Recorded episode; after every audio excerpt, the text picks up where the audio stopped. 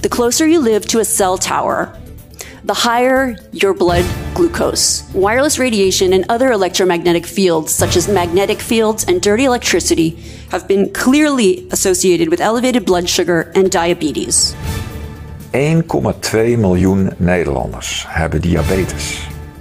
Eigenlijk zijn alle COVID- en griepsymptomen ook de symptomen die we krijgen van straling. In theorie kan beheerder van het 5G-netwerk de straling voor een afzonderlijke groep mensen veranderen en bepaalde personen via hun mobiele telefoons blootstellen aan veel te hoge straling. In China wordt het 5G-netwerk s'avonds zoveel mogelijk uitgeschakeld, omdat het voor een overbelasting van het elektriciteitsnetwerk zorgt. Tot 2020 werd in Nederland circa 7% van onze totale energie omgezet of gebruikt voor een vorm van zender met straling. Daarom vragen wij ons al enige tijd af of deze zendmasten verantwoordelijk of medeverantwoordelijk zijn voor de opwarming.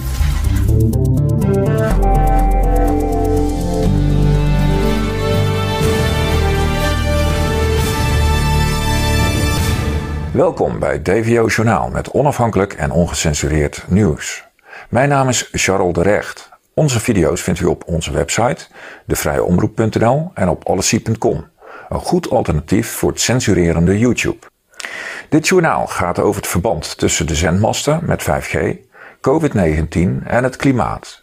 Sinds de eerste lockdown zijn er in Nederland meer dan 30 zendmasten vernield of in brand gestoken. Wat drijft mensen ertoe om deze zendmasten te vernielen? Allereerst over de betekenis van 5G. Veel mensen dachten dat 5G stond voor 5 GHz, maar 5G staat voor de vijfde generatie van het mobiele netwerk.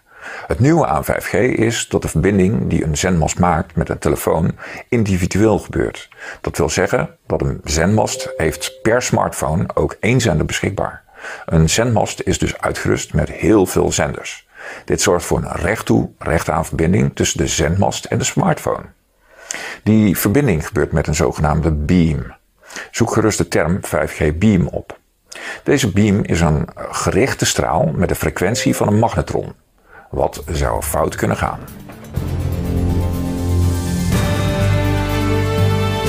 Het probleem met 5G is drieledig.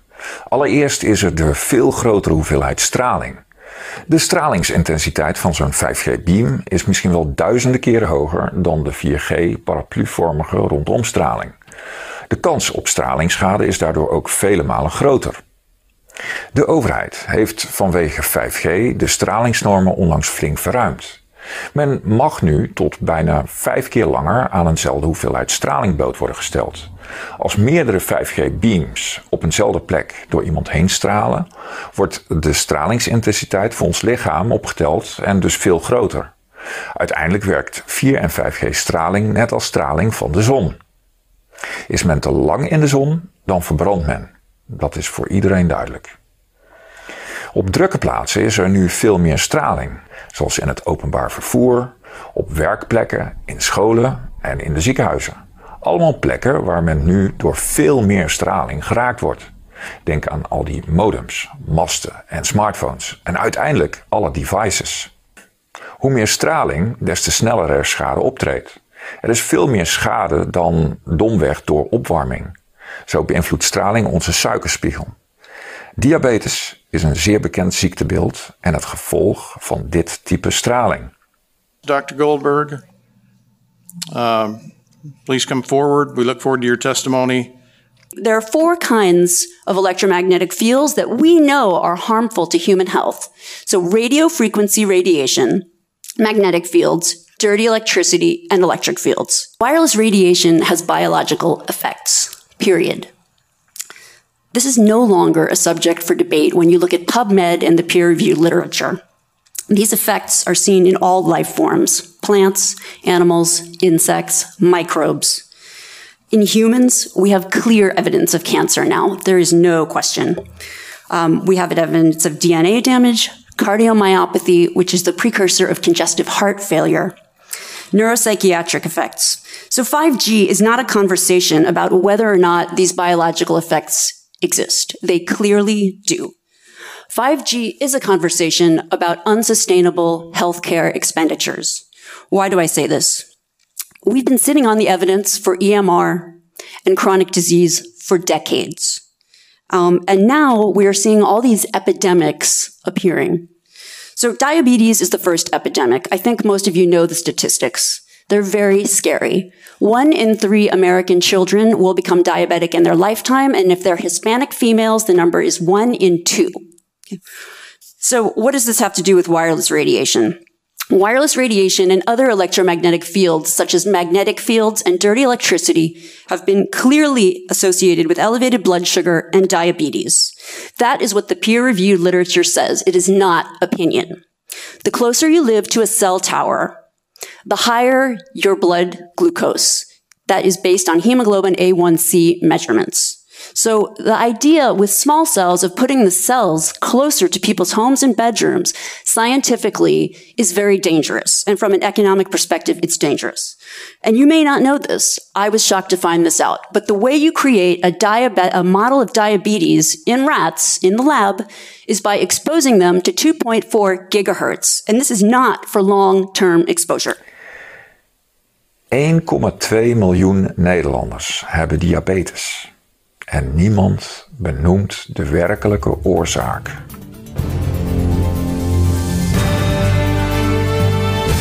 Vier en 5G stralingsschade is mogelijk een oorzaak voor wat men nu long COVID noemt. Eigenlijk zijn alle COVID- en griepsymptomen ook de symptomen die we krijgen van straling.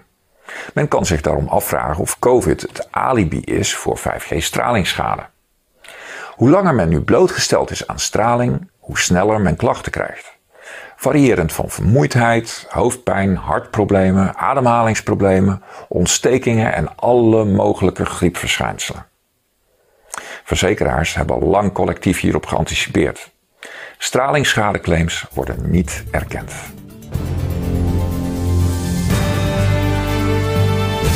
Het tweede probleem wat wij hebben met 5G zijn de beams, die zoals gezegd een individuele één op één verbinding vormen tussen de zendmast en de telefoon, waarbij de zendmast heel nauwkeurig de locatie van de ontvanger volgt.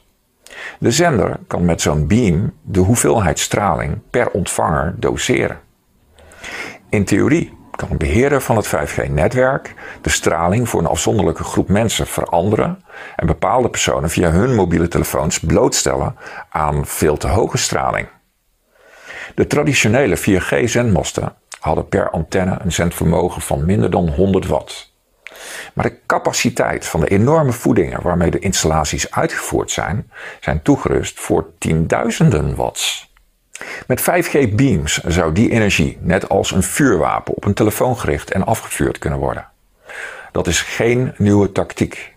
In Irak werden simkaarten van tegenstanders benut om een raket daarop af te sturen. In de 2014 Marvel-film Captain America The Winter Soldier werd een simkaart gebruikt om miljoenen tegenstanders te kunnen vinden en ze te kunnen neerschieten. We've reached 3000 feet. Satellite coming online now. Deploy algorithm. Algorithm deployed. We are go to target. Target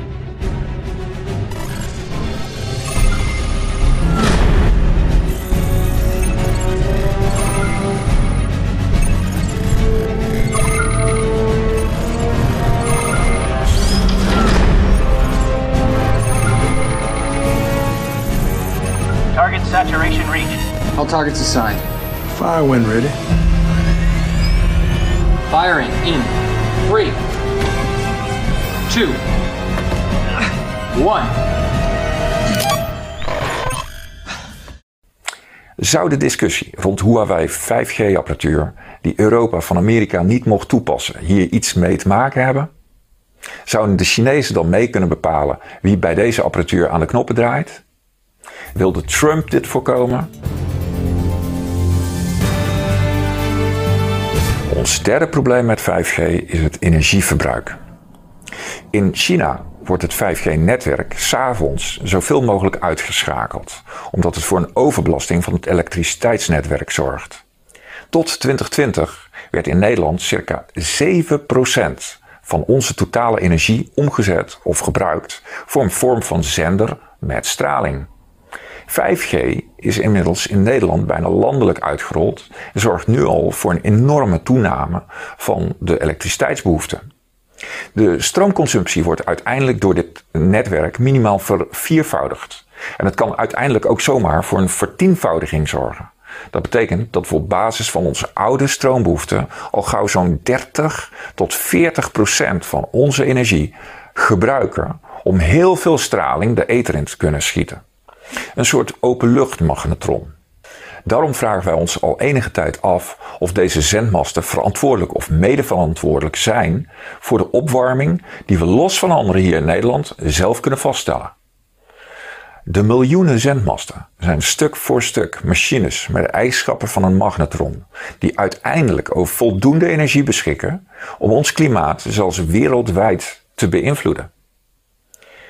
Nederland had vroeger merkbaar koudere winters en nattere zomers. We kunnen wel zeggen dat de temperatuur in Nederland in de afgelopen 35 jaar zo'n 5 tot 10 graden gestegen is. De opwarming werd merkbaar nadat in 1997 het eerste deel van de zendmasten was geplaatst. In 2005 meldde het NOS Journaal voor het eerst dat de poolkappen smolten. Op het internet werd toen gespeculeerd over HARP, de High Frequency Active Auroral Research Program.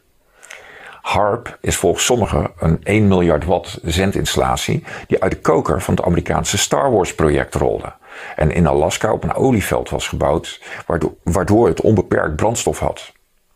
Men dacht toen dat met behulp van de HARP de poolkappen werden gesmolten om nieuwe vaarroutes te openen en om in die gebieden gemakkelijker naar olie te kunnen boren. Het is dus mogelijk dat door die theorie en afleiding niemand bedacht dat feitelijk de zendmasten de ware oorzaak van de meeste klimaatveranderingen waren.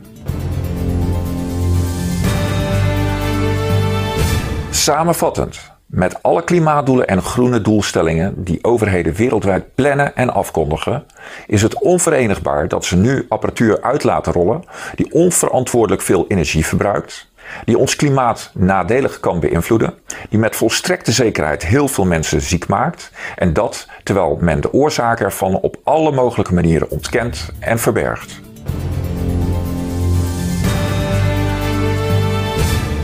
Bent u ook uitgekeken op de eenzijdige berichtgeving van de reguliere media en spreekt onze informatie u aan?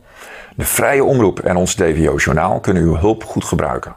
Ga daarvoor naar onze website, devrijeomroep.nl, klik op meedoen en doe mee. U kunt zich daar abonneren op ons Telegram-kanaal, ons voorzien van tips en ons ook financieel steunen.